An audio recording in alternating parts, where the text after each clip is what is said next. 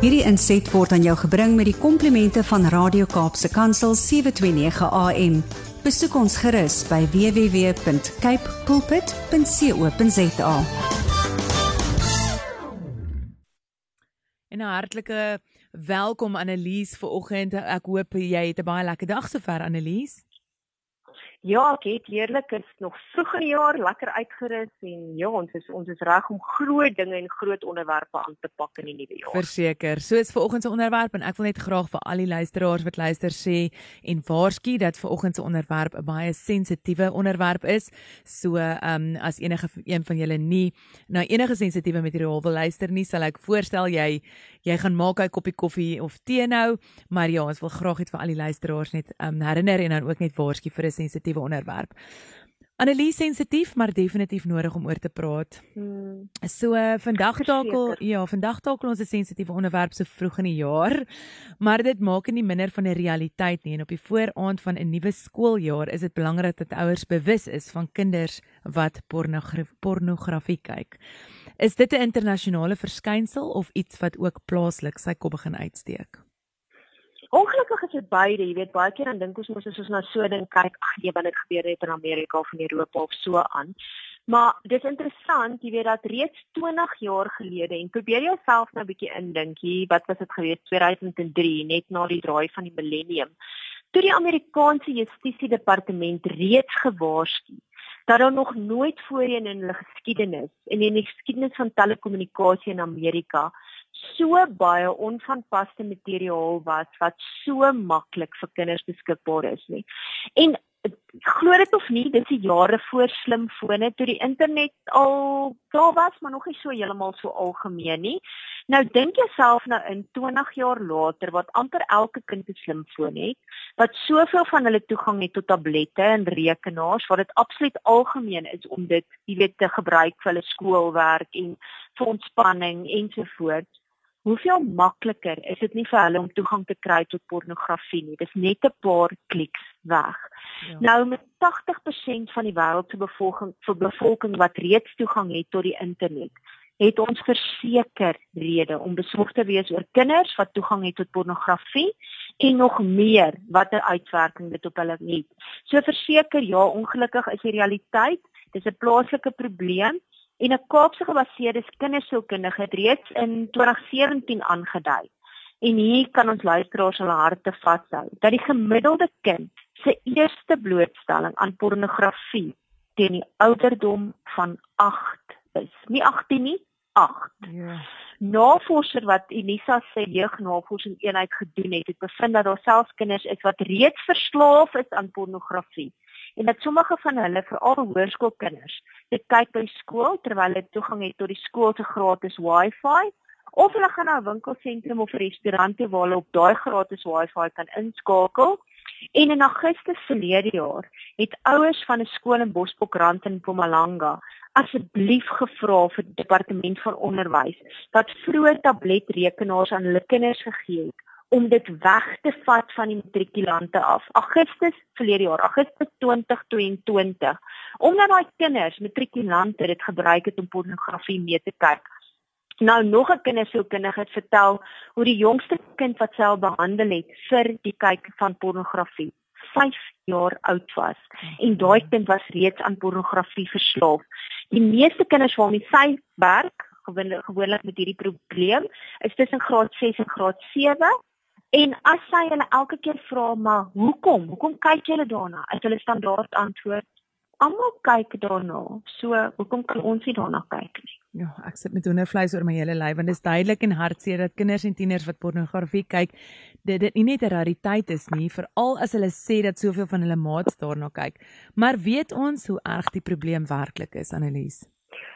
Ja, dit is nogal 'n groot groot groot probleem. En volgens 'n klomp kliniese sielkundiges en onderwysers met jare se ondervinding is kinders se blootstelling aan pornografie baie erger as wat ouers besef. En teen die tyd wat hulle hoërskool toe gaan is daar bevind dat 9 uit 10 kinders reeds aan pornografie blootgestel is. En weer eens, daai studie wat Unisa gedoen het, het hulle so 200 kinders in Gauteng betrek. En 55% van daai kinders het aangedui dat hulle pornografie gereeld kyk terwyl 10% daagliks daarna kyk. Maar hierdie navorsers het gesê, onthou net, baie van hierdie kinders is eenvoudig te skaam om te erken op papier of vir 'n, jy weet, iemand wat hulle ondervra dat hulle na pornografie kyk. Maar 35% van daai kinders het gesê dat en hier's my nog erger, dat hulle na kinderpornografie kyk en hulle worry nie daaroor dat dit onwettig is nie. Jy weet, kinderpornografie is 'n regte daad wat met 'n regte kind gepleeg word, 'n regte seksuele daad wat met 'n regte kind gepleeg word. Dis nie net 'n fotootjie van 'n kind wat kaal is nie. Mense moet dit asseblief besef. Dis baie keer 'n verkrachting wat opgeneem word. Nou kan jy jouself indink, 'n kind kyk daarna en dit ontstel hulle nie dit ontstel my elke keer as ek net daarvan lees of weet ons iets daaroor doen. En van die ander kinders het gesê die die ander tipe pornografie waarna hulle kyk is spesialiteit wat natuurlik 'n misdaad is en dit verwys na omgang tussen mens en dier. En dan staan ook 'n hentai pornografie wat 'n Japaneese vorm van animasie pornografie is. So jy weet daai daai drie goeders ontstel my in totaliteit nog meer as wat dit is om ja. te dink jy weet kinders kyk na volwasse pornografie.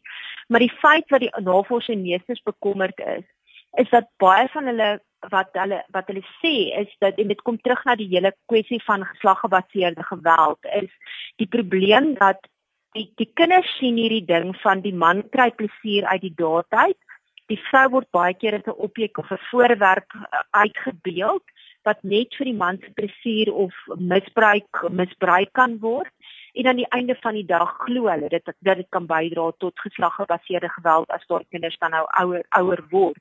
So een van die sielkundiges by Unisa het ook ouers daaraan herinner dat hulle nie net moet dink seuns kyk na pornografie nie, want meisies doen dit ook.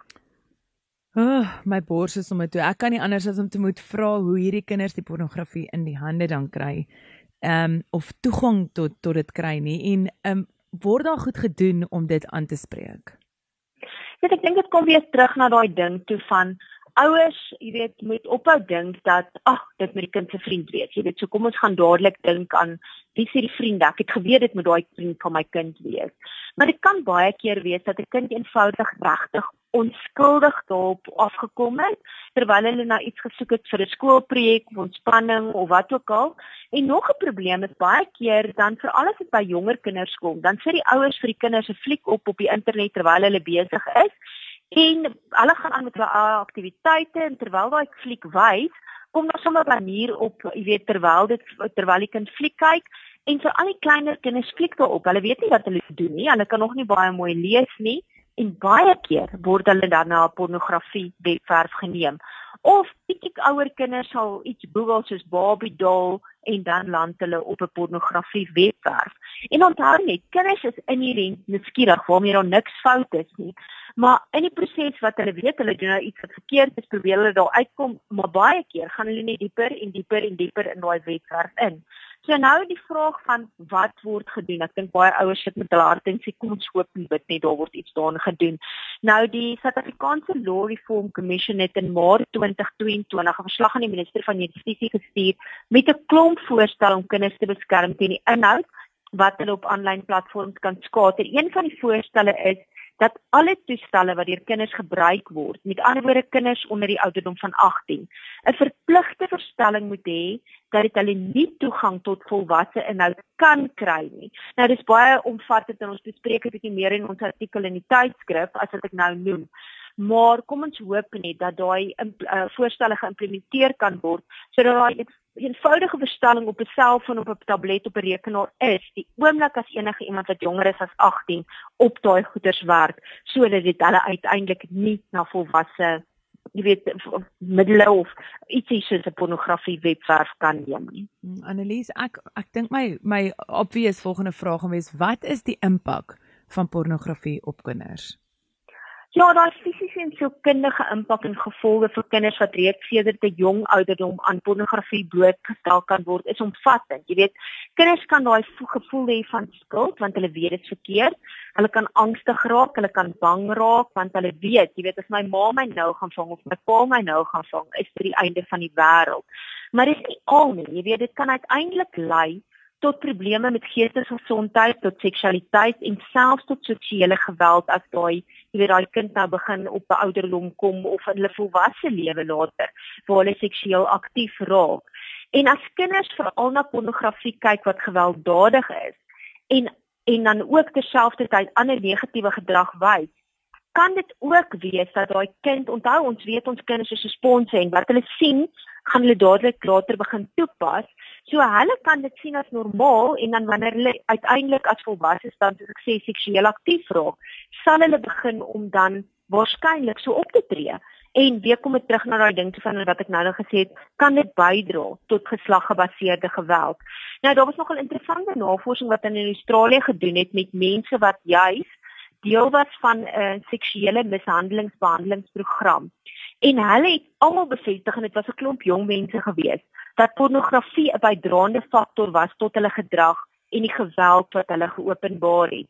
En dat hulle nie waarskynlik so seksueel gewelddadig sou opgetree het as hulle hulp gekry het toe hulle jonk was en toe hulle nie gewoonte was om na pornografie te kyk nie.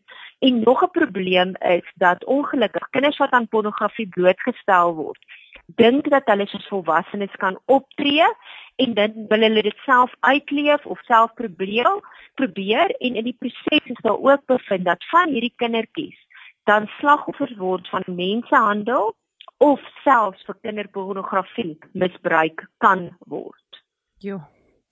Ek dink vir my is die belangrikste vraag waarmee ons vandag se gesprek moet afsluit is wat kan ouers doen of moet hulle doen om hulle kinders te beskerm? Is daar raad?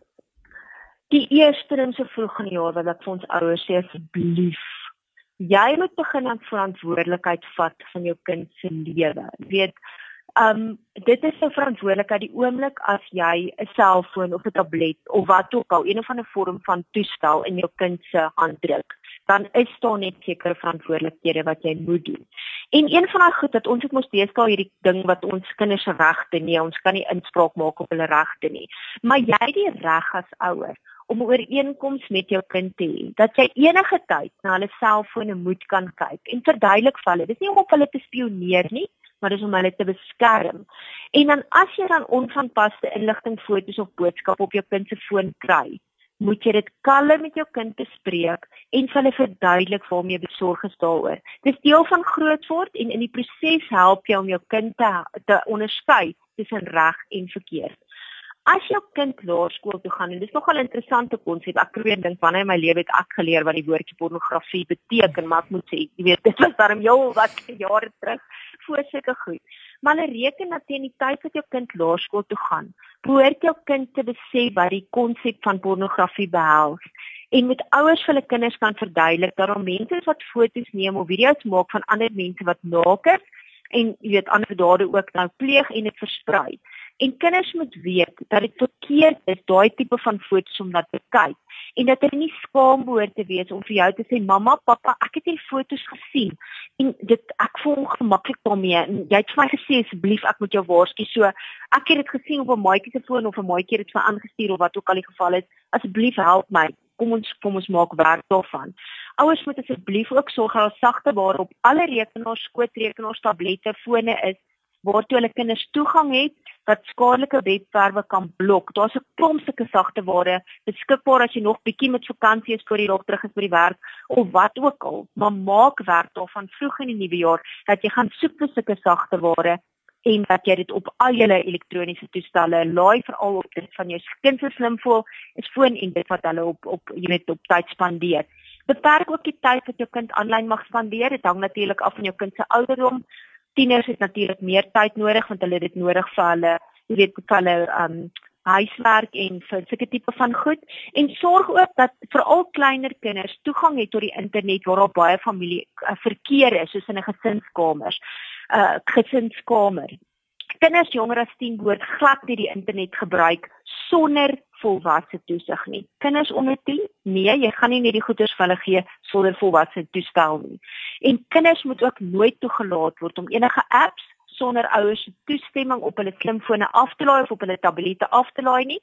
En dit kan eers gebeur dat 'n ouer dit aflaai as hulle hulle eie navorsing gedoen het um jy weet om te sien dat dit regtig 'n app is wat nie skade het nie.